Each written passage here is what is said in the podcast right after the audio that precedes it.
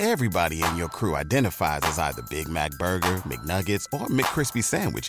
But you're the filet fish Sandwich all day. That crispy fish, that savory tartar sauce, that melty cheese, that pillowy bun. Yeah, you get it. Every time. And if you love the filet of fish, right now you can catch two of the classics you love for just $6. Limited time only. Price and participation may vary. Cannot be combined with any other offer. Single item at regular price. Ba da ba ba ba.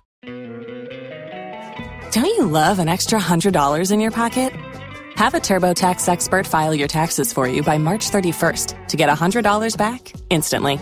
Because no matter what moves you made last year, TurboTax makes them count. That means getting $100 back and 100% accurate taxes only from Intuit TurboTax. Must file by 331. Credit only applicable to federal filing fees with TurboTax full service. Offer can be modified or terminated at any time.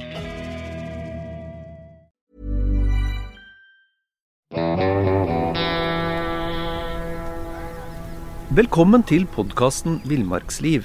Mitt navn er Knut Brevik, og jeg er redaktør i bladene Villmarksliv, Jakt og Alt om fiske. Jeg er Dag Kjelsås og har lang fartstid i de samme bladene. Ja, Yeah. og i dag, Dag, så I dag, Dag, det var gøy. Så utgjør vi eh, et slags villmarksråd. Sammen med, med annet Jon Arne Tungen, Tom Shandy, Arne Hamarsland og Andreas Næristorp. Eh, Og vi, eh, vi har satt oss fore, vi i dag, å, å svare på spørsmål fra leserne av Villmarksliv og de lytterne av podkasten som har sendt oss spørsmål. Yeah. Vi er usedvanlig kloke i dag. Vi kan jo, kan jo veldig, veldig mye, da. Så vi bare hiver oss rett på her. Og, og mm, vi har fått et spørsmål om, om hvor langt kula går, vi. Um, Riflekula? Riflekula, for Ja. du jakter jo mye med rifledag. Det spørsmålet går som følger. Under årets toppjakt i Sverige dukket spørsmålet opp om hvor langt rifleskuddet går hvis du skyter bom på en tiur på topp. Det var interessant i og med at vi jaktet bare et par kilometer fra et lite tettsted. Det ligger en ned i dalsenkningen, og i forhold til åsen vi jakter på, ser vi ikke stedet direkte, bortsett fra når vi er helt oppe på toppen. Ei kule som bommer på en tiur i topp, vil jo fly høyt over alle hindringer, men vil den fly så langt at den kan treffe husene? spør altså innsender. Uh, ja, jeg kan jo svare ja og være ferdig der, men uh, vi tar det kanskje litt mer nøye. For det er, det er ganske mange faktorer som spiller inn når vi skal eh, for, for å vite hvor langt ei kule går. Ja. Det er vinkelen på skuddet, luftmotstand, tyngden på kula, utgangshastigheten. Eh, ei vanlig jaktkule, den vil ha lengst rekkevidde når rifla peker sånn 30-35 grader opp fra horisontalen. ja, litt sånn skrått oppover, ja. Ja, ja. Mhm. Eh, og så har du eh, Av de andre faktorene så er det selvfølgelig luftmotstand som betyr mye, fordi eh, vi snakker om hastigheter på ja, kanskje opp mot 1000 meter i sekundet. Mm, mm. Eh, eksempler viser at maksimal rekkevidde for kuler som brukes til storvilt eller storfugl, da eh, Man bruker jo ofte samme våpenet. Mm. Eh, den rekkevidden kan være fra 3000 til 5000 meter. Å, du verden. Så altså inntil fem kilometer, altså. Mm, mm. Kula bruker 2,5 til 3,5 sekunder i lufta og har en hastighet på 120 til 150 meter i sekundet når den treffer bakken. Akkurat. Mitt råd i forhold til eh, jakt på tiur på topp er at du sjekker med kartet eller er kjent med den retningen du skyter i, og forsikrer deg om at det ikke fins bebodde strøk da innafor de fem kilometera som kan være faresonen. Ja. ja. At du rett og slett ikke skyter hvis, du, hvis det er i retning av ei bygd eller en by, selvfølgelig. Mhm, mhm. Så tenk litt på det, men, men det er ikke forbud mot å skyte en tiur på topp. Nei, men, men det, det, det du sier illustrerer jo veldig det der med å vite bakgrunn da når du slipper ei kule. Ja. Eh, fordi den tre til fem kilometer er langt, og, og man veit aldri. Det er ikke mange som, eh, som rammes, men det er faktisk folk som er treffe i huet av ei kule på ville veier. Ja, jeg, hørte om en, jeg hørte om en episode fra Finland. Det er, ligger en 20-25 år tilbake i tid. Eh, Men det var, det var under toppjakt. Så det, som sagt, eh, det illustrerer bare det å, å vite bakgrunnen og, og tenke seg Ja. før du slipper deg av gårde av kule. Så Knut, et spørsmål om skogens skygge, og det vet du sikkert er måren. Ja, morgen.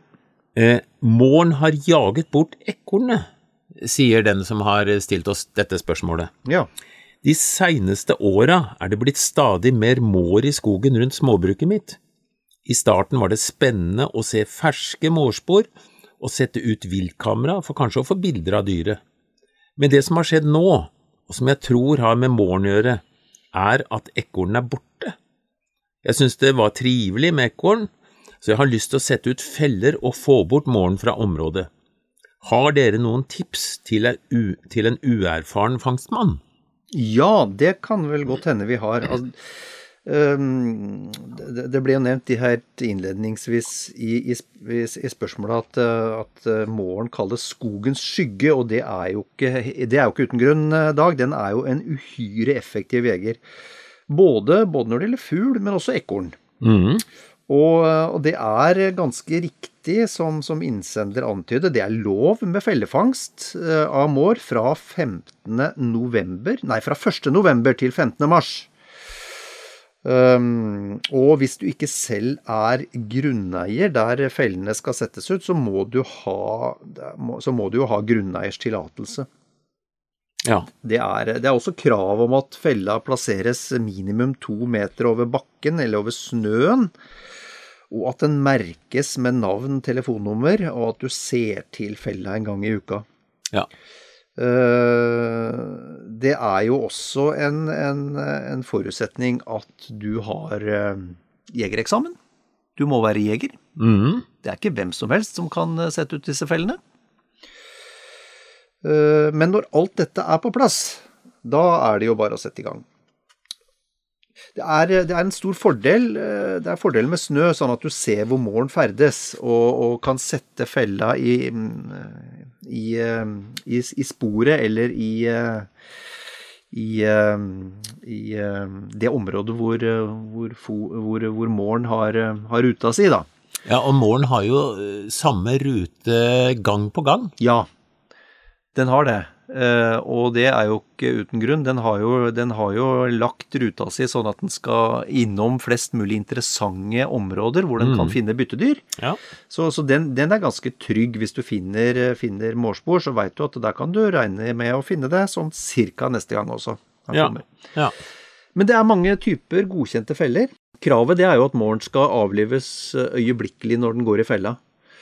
Så, så du må jo finne da ei felle du, du har trua på, eh, og følge produsentens anvisning når det gjelder både montering og bruk. ja.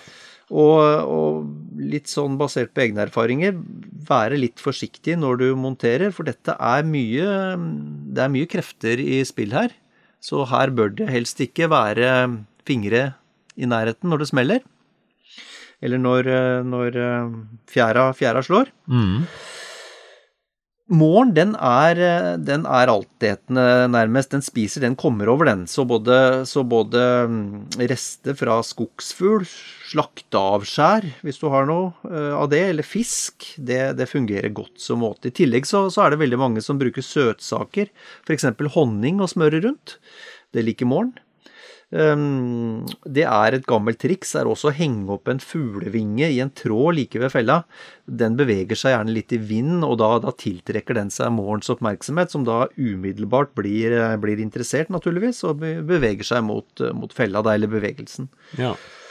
Og hovedregelen er vel at hvis ikke fella gir fangst i løpet av en to-tre uker, så da bør den flyttes, for da, da er det noe galt, eh, gjerne ved plasseringa.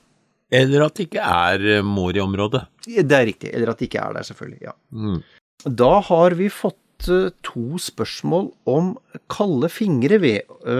Jeg tror vi deler dem opp Dag, sånn at vi tar eh, spørsmål Det første spørsmålet, det lyder som, som følger. Jeg sliter veldig med kalde fingre når jeg er ute om vinteren.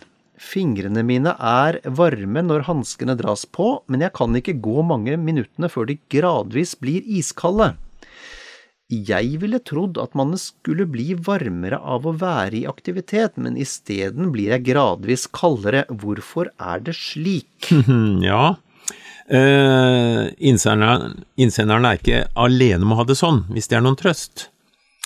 Eh, når vi starter med fysisk aktivitet, så er kroppen sånn innretta at eh, den automatisk sender mest blod til de store musklene, som jo skal jobbe for å få oss framover i terrenget. Eh, og det innebærer at det blir mindre blodgjennomstrømming i fingre og tær, og vi blir avkjølt. Den trekker rett og slett blod og varme fra de ytre delene av kroppen og inn mot sentrum, altså. Ja, det er altså til, til de store musklene som da må jobbe. Og vi går jo da med, med fingrene eh, bare hengende rett ned, kan du si, ofte. Eh, så et lite triks for å, for å få fingrene varme er å gå til du kjenner at kroppen er ordentlig varm, og så rett og slett ta en pause. For da vil blodgjennomstrømmingen eh, sende overskuddsvarme til fingre og tær.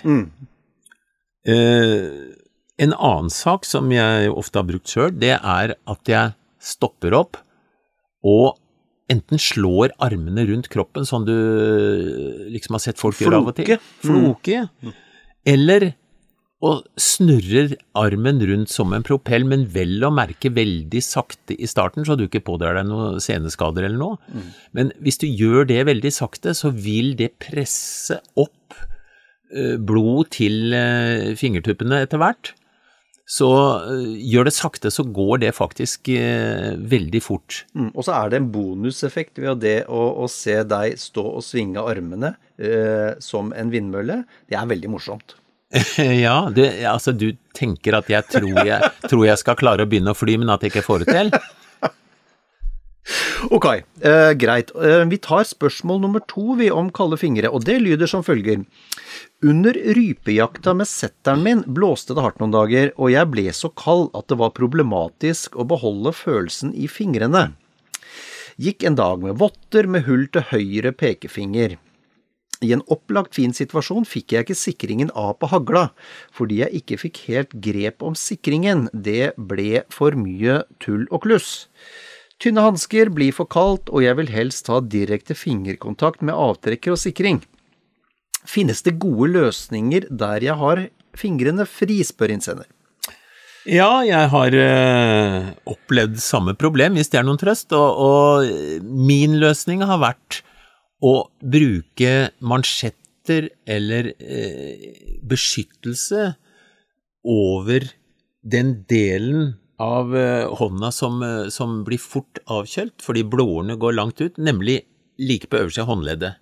Mm, ja, for hånd, der har du jo, jo hovedpulsåra, så der avgjør du jo mye varme også. Ja, du, du ser jo faktisk blodårene når du bare kikker på undersida av hånda der. Så der bør vi beskytte med f.eks. undertøy med sånn eh, hull til tommelen, som da tvinger eh, tøyet på plass, og så, som gir beskyttelse. Eh, Du kan også lage en eh, beskyttelse som jeg har gjort mange ganger. Når jeg skal kaste ei utslitt ulltrøye f.eks., så klipper jeg de nederste 15 cm og trekker den da over håndleddet som en beskyttelse når jeg er utsatt for å fryse. F.eks. på jakt, eller kanskje isfiske. Ja. Så å beskytte seg der, det er et godt stykke på vei til, til å bli varm. Du kan også ta en gammel utgått vått og klippe opp sånn du akkurat får bevegelse for de fingrene du trenger, nemlig avtrekkerfingeren og, og den som tar av sikringa på ei hagle hvis du er på jakt. ja. Så, så å beskytte på øversida er altså en, en eh, hjelp til fingrene, men, men noen ganger så er det jo så kaldt at du ikke klarer å holde deg varm da heller, og da kan du gjerne ha eh, en sånn varmepose eller noe annet som gir varme i lomma. og Altså så- håndvarmer. ja, Ja. gå med, med hånda rundt den når du da ikke skal være i beredskap. Ja. Veldig bra. Jeg, jeg, nå, og nå føler jeg at du er veldig i dytten her, Dag, så jeg fyrer av gårde et spørsmål til. Ja. Eh, det er et spørsmål om linesurr. Det er jo noe vi alle har opplevd en eller annen gang. Eh, spørsmålet det lyder som følger. Jeg bruker flertrådet spunnet line når jeg fisker ørret, fordi det øker kastelengden. Innimellom opplever jeg at det blir surr når en større eller mindre tjafs fyker av snella. Hvordan kan jeg unngå dette?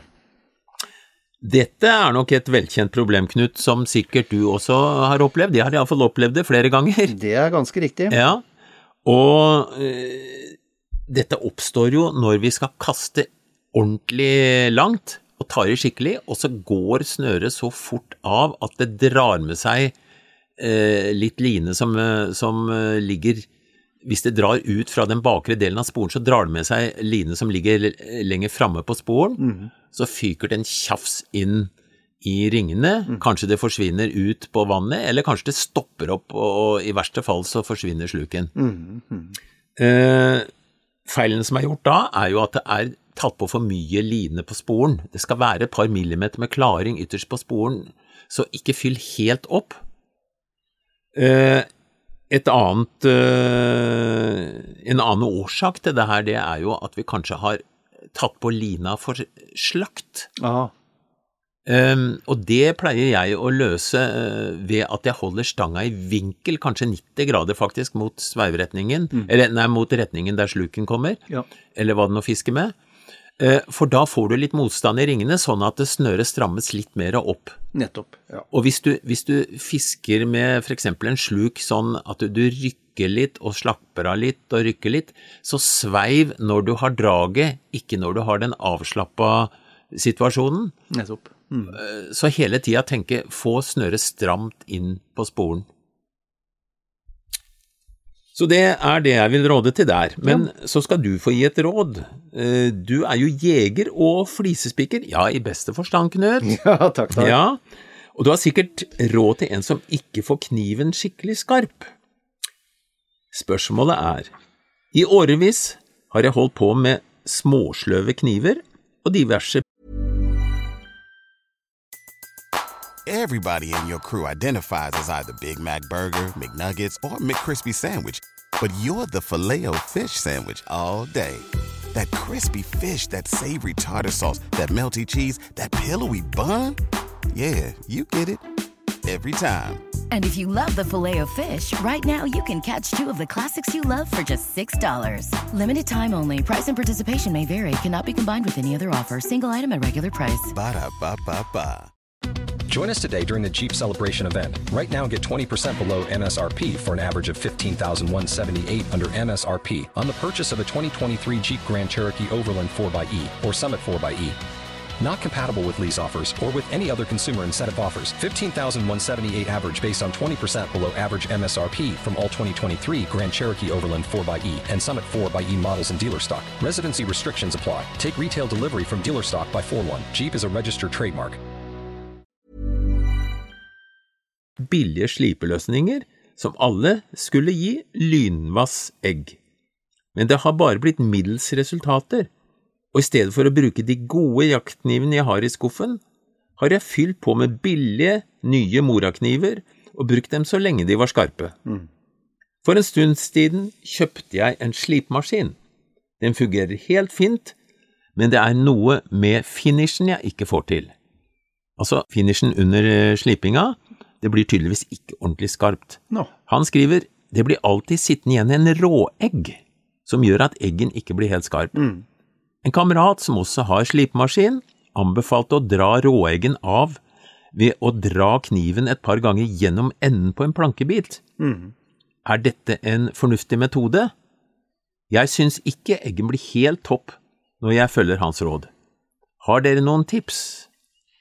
Ja, det altså bare ta det med en gang. En sylskarp kniv, det er jo, det er jo en nytelse å jobbe med. Det, så det er vel verdt eh, å legge litt innsats i å få til en, en, en, skarp kniv. Jeg har selv prøvd metoden med å dra av råeggen på enda en plankebit. Det blir eh, noenlunde bra, men ikke helt topp. Hvis du er litt tålmodig, og det har jeg en følelse av at innsender er, så får du et bra resultat ved å dra, dra kniven mot ei lærreim, eller bruke lærskiva på en eh, slipemaskin.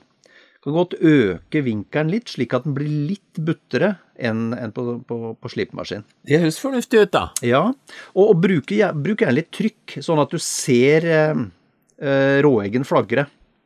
Da, da bryner du bort festet som råeggen henger i, og som sitter igjen med en ny Og da, og da, da sitter du ofte igjen med en ny sånn lynskarp egg uten skader.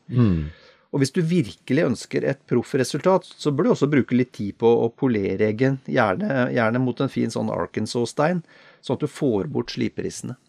Dette her med, med den derre eh, flagrende saken som henger igjen eh, ytterst på eggen, det kan du faktisk kjenne hvis du drar fingeren nedover mot spissen, så kjenner du at på den ene sida så henger den litt, på andre sida er det helt glatt. Nettopp. Det betyr at denne her eh, lille delen som henger igjen av metall, den er bøyd litt til den ene sida. Ja. ja. Bra. Um, nå kommer et tema jeg vet du kommer til å elske, Dag. Eh, Du skal også få gleden av å svare på det. Det, det har eh, med det å gjøre å tisse på post. Oi, oi. Det er veldig gøy. veldig gøy. Um, det lyder som følger. Jeg er med på revejakt med hund på vårvinteren. Det innebærer å stå mye på post i kulda, gjerne en time eller to på hver post. Da blir jeg alltid voldsomt tissetrengt. Jeg har tenkt som så at reven kjenner lukta av meg uansett, og da betyr en tisseskvett nedgravd i snøen lite til eller fra. Men hvorfor er det slik, og kan jeg redusere tissinga med å kutte ut kaffe på morgenen de dagene jeg skal ut på jakt? Uh, og da overlater jeg podiet til deg, Dag. Ja, du, her er vi litt inne på det samme fenomenet som vi snakka om for litt siden. Uh, det som skjer med kroppen når den utsettes for kulde, er at blodårene i huden i armer og bein trekker seg sammen for å redusere varmetapet. Og blod samles da sentralt i kroppen, og kroppen oppfatter da blodvolumet som er, det er blitt litt for stort, og bør reduseres. Og dette gjøres ved å, at den skiller ut mer væske via nyrene, altså urinblæra fylles, og så må vi tisse. Ah. Eh, koffein i kaffen, eh, den, det virker jo som kjent vanndrivende, men kroppen har en slags evne til å tilpasse seg, så hvis du drikker kaffe hver dag, vil den vanndrivende effekten egentlig ikke være så stor og etter hvert avta litt. No. Så eh, det er ikke, det er ikke krise å, å drikke litt kaffe om morgenen, altså. Eh, revens evne til å kjenne tisselukt, ja, den kjenner nok kanskje den bedre enn kroppslukta, men jeg mener at det ikke finnes noen fasit, og, personlig tror jeg ikke at tisselukt avslører deg mer enn kroppslukta og lukta fra pusten din. Mm. For, for det er klart at begge deler forteller reven at det er fare på ferde, men kjenner han tisselukta, så kjenner han nok også kropp, kroppslukta di. Så du kan jo ta med tisseflaske da, på post eller hva du gjør, og, og så tømme dem når, eh, når du er ferdig med å, å holde på med det du gjør. Ja, for dette, dette har vel sånn dypest sett med, med vindretning å gjøre. Altså hvis vindretningen din er god, så Det er nok det som er det avgjørende her. ja. Ja vel, eh, kanskje et litt annet tema nå, Knut, nemlig om hund og sau. Hund og sau, ja. Jeg er hundeeier og bor på ei øy der det beiter spelsau. Er vanligvis eh, Spelsauene er vanligvis i innhegning, men ofte hopper de over gjerdet og beiter fritt. Når det ikke er båndtvang, utenfor vanlig beitesesong, og sauen hopper over gjerdet, hvem har ansvaret hvis hunden tar opp jakta på sauen? Jeg vet at man skal ha kontroll over hunden, men i jaktsituasjoner blokkerer jo hunden slik at innkalling er nytteløst. Erfaringsmessig er det ingen hundeeier som har full kontroll over hunden i gitte situasjoner. Jeg syns loven er noe uklar her. Hva sier du, Knut? Ja, her, her må jo vi bare lene oss på det Jeg er jo ikke jurist, så vi må jo bare lene oss på, på det vi har, har blitt fortalt. Eh, Men det er, det er altså hundeeieren eh, som har det ubetinga ansvaret. Og det er hundelovens sikringsbestemmelser som gjelder. Eh, Men først noen forbehold. Gjerde- og beiteloven er å forstå noe forskjellig i de forskjellige landsdelene, avhengig av tradisjonene for utmarksbeite. Siden spørsmålet dreier seg om villsau på en øy, så antar vi at det må være Vestlandet eller Nordvestlandet. Det ligger i navnet villsau at driftsformen baserer seg på at dyrene skal gå ute hele året. Og at dyrene fra tid til annen hopper over et gjerde på øya, betyr neppe noe som helst. Det, det kan være eiers ønske at de skal beite på forskjellige steder til forskjellige tider. Det er lite sannsynlig at det innebærer at dyrene beiter ulovlig fordi de har hoppet over et gjerde inne på beiteområdet. I store deler av landet har ikke saueeier noen plikt til å holde sauene inngjerda overhodet, og han har slett ingen eh, plikt mot vei. Med forbehold om at det er eh, opplysninger i denne saken vi ikke kjenner til, så er det vår oppfatning at det er deg som hundeeier som har det fulle og hele ansvaret for å sikre at hunden din ikke jager på spelsauen. Ja, sånn må det jo være. Må det. Ja. Det må det.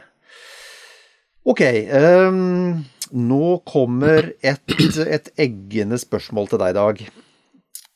Og ikke om, ikke om knivegg denne gangen. Nei!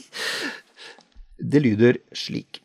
Under en trugetur på råtten vårsnø i Skibotndalen tok jeg dette bildet, noe som påkalte både nysgjerrighet og undring. Jeg ville ikke ha reagert hvis jeg hadde sett det i vannskorpa på et lite tjern seint på våren eller tidlig på forsommeren men det synes fullstendig malplassert på grov kornsnø i ca. 520 meters høyde over vannet, der det ikke engang er stillestående eller rennende vann.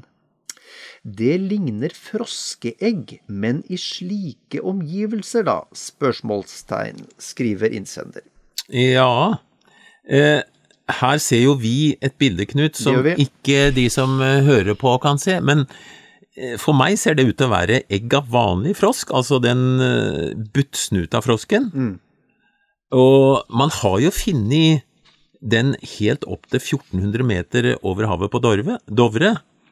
Eh, Så det kan se ut som de svarte eggene her har fanga nok solvarme til å smelte de små dammene på isen. Ja, det hadde jo vært spennende da hvis innsenderen hadde tatt med noen egg hjem, for eksempel, i termosen, og, og sjekka om de klekka, altså var befrukta, da. Eh, det kan ha vært en hunnfrosk som bare hadde huka seg ned i snøen og lagt eggene der, da. Eh, men altså, dette er jo avgjort ikke noe godt oppvekststed for rumpetroll. Så selv om snøen hadde smelta, så, så ville det nok ikke blitt noe resultat av det. Så jeg tror konklusjonen må være at det faktisk da er froskeegg. Mm, akkurat. Ja vel, over til noe annet, Knut. Hva gjør man når teltet lekker? Og spørsmålet er følgende. Jeg bor på Vestlandet, der det periodevis regner mye, og jeg er mye ute på tur. Jeg sliter med å finne telt som holder vannet ute. Selv om oppgitt vannsøyle for bunnen er 8000 mm og 2000 mm for ytterduken, erfarer jeg at teltet lekker veldig mye og egner seg dårlig for mitt bruk. Kan dere anbefale en type telt som tåler mye regn? Ja, altså innsenderen skriver jo ikke noe om det er overduken, bunnduken eller sømmene han har problem, eller hun har problem med. Ehm, vedkommende sier heller ikke noe om hvor gammelt teltet er, eller antall bruksdøgn, noe som er eh, veldig vesentlig informasjon. Eh, Ettersom innsender oppgir vannsøylen på over- og underduk, så tolker jeg, eh, tolker jeg eh, vedkommende dit at det er, er her det oppleves at teltet lekker. Likevel, om det er sømmene som lekker, så finnes det egne produkter som løser dette. Etter internasjonal standard EN 343 skal en vannsøyle på 8000 mm gi et vanntett produkt når vi snakker om duk til telt.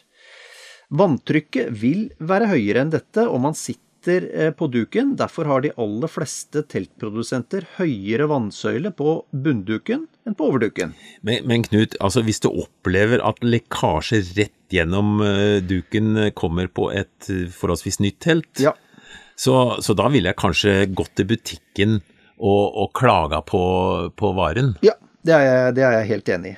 Det, det er det første som, som, slår, som slår meg også.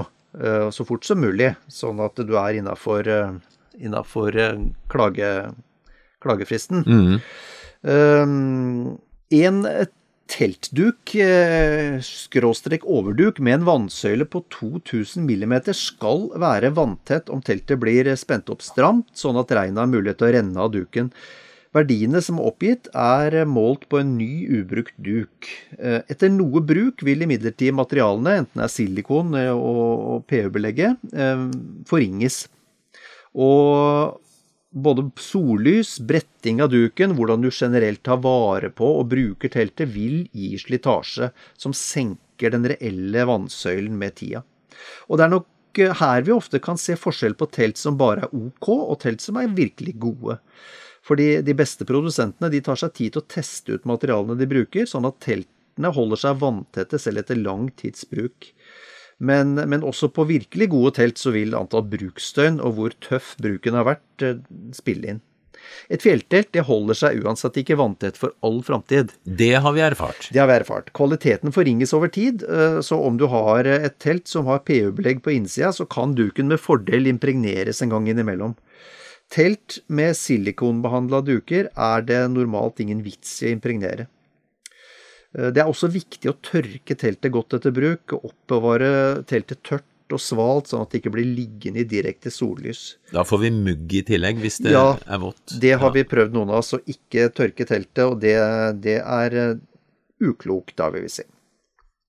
Ok, da, da, skal vi nærme oss en avslutning på dette rådet, Dag, men vi avslutter med et brennhett tema, nemlig om farlige brennere. Ja. Um, og det lyder slik. Dette spørsmålet dukket opp da vi var på reinsjakt i høst. Tre kamerater skulle lage mat i den lille steinbua som vi vanligvis har tilhold i. Denne gangen var det jeg som hadde med kokeutstyr, og jeg hadde tatt med den nye stillegående bensinbrenneren min. Dette var helt bevisst fordi den brenneren som kameraten min pleier å ha med, bråker plagsomt mye i ei lita bu. Da kompisene så brenneren, fikk jeg beskjed om at denne ville de ikke se inne i bua, jeg måtte gå ut og koke. De hadde lest at slike stille brennere var livsfarlig innendørs. Jeg trodde at en brenner var en brenner, og at det uansett er noe man bør være varsom med innendørs, men at min skulle være så mye farligere enn deres, visste jeg ikke. Hva mener dere, spør innsender. Ja, umiddelbart så vil jeg jo si at eh, jeg er enig i den advarselen. Eh, det finnes jo en mengde brennere på markedet, og, og de er i hovedsak av to typer. Det er stillebrennere og virvelbrennere. Mm. Stillebrennerne ja, de lever jo opp til navnet og bråker ganske lite. Og her føres jo brennstoffet inn via ei dyse i bunnen av et rør. Og lufta kommer inn gjennom hull opp langs røret. Og det gir da ganske jevn gass og luftstrøm. Og det blir ikke mye bråk. I en virvelbrenner kommer brennstoffet inn i bunnen av brennkammeret, og der treffer det ei plate som sender en del gassen tilbake mot dysa og forstyrrer gassstrømmen der. Eh, det blir turbulens av det herre, og bråk når dette skjer, og gass, luft, når gass og, og luftblanding da antennes. Mm. Fordelen er jo da at gass og luft blandes godt, slik at forbrenningen skjer med nok oksygen. Eh, det gir jo lavere utslipp av den frykta gassen karbonmonoksid, mm. altså CO kjemisk. Mm. Eh, stillebrenneren klarer ikke å lage like god miks, så sannsynligheten for eh, ufullstendig forbrenning er jo da større. Okay. Sånn som det antydes fra kameratene her. Mm. mm. Og CO-gass den er veldig farlig, og du merker ikke at du blir gassforgifta. Så jeg vil ganske enkelt si at hør på kompisen, og bruk den brenneren i forteltet eller ute. Mm, mm. Ja, for her finnes det jo noen tragiske eksempler år om annet. Folk som, som, dessverre stryker med pga. Uh, gassen. Gassfyring er litt sjansebetona i både campingvogner og telt, og, mm. og altså lukka rom. Ja. Lufting er stikkord, og det får du ikke inni et telt vanligvis. Nei. I den grad du kanskje trenger det. Bra råd avslutningsvis, Dag. Da har vi, da har vi eh, øst av vår grenseløse kunnskap Oi. nok en gang. Og, og, satt satt eh, folk i stand til å løse selv de mest kompliserte problemer. Da tror jeg vi bare Da tror jeg vi egentlig bare ønsker folk en riktig god uke. Det gjør vi.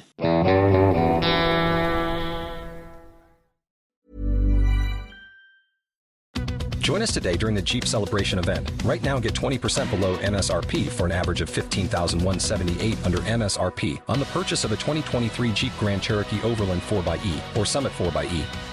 Not compatible with lease offers or with any other consumer incentive offers. 15,178 average based on 20% below average MSRP from all 2023 Grand Cherokee Overland 4xE and Summit 4xE models in dealer stock. Residency restrictions apply. Take retail delivery from dealer stock by 4 1. Jeep is a registered trademark. Shopify helps you sell at every stage of your business. Like that, let's put it online and see what happens stage. And the site is live. That we opened a store and need a fast checkout stage.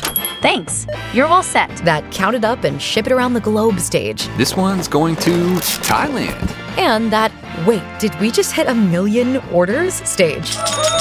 Whatever your stage, businesses that grow grow with Shopify. Sign up for your $1 a month trial at shopify.com slash listen.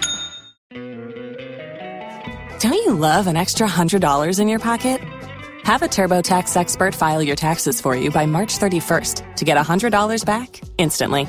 Because no matter what moves you made last year, TurboTax makes them count. That means getting $100 back and 100% accurate taxes only from Intuit TurboTax. Must file by 331. Credit only applicable to federal filing fees with TurboTax full service. Offer can be modified or terminated at any time.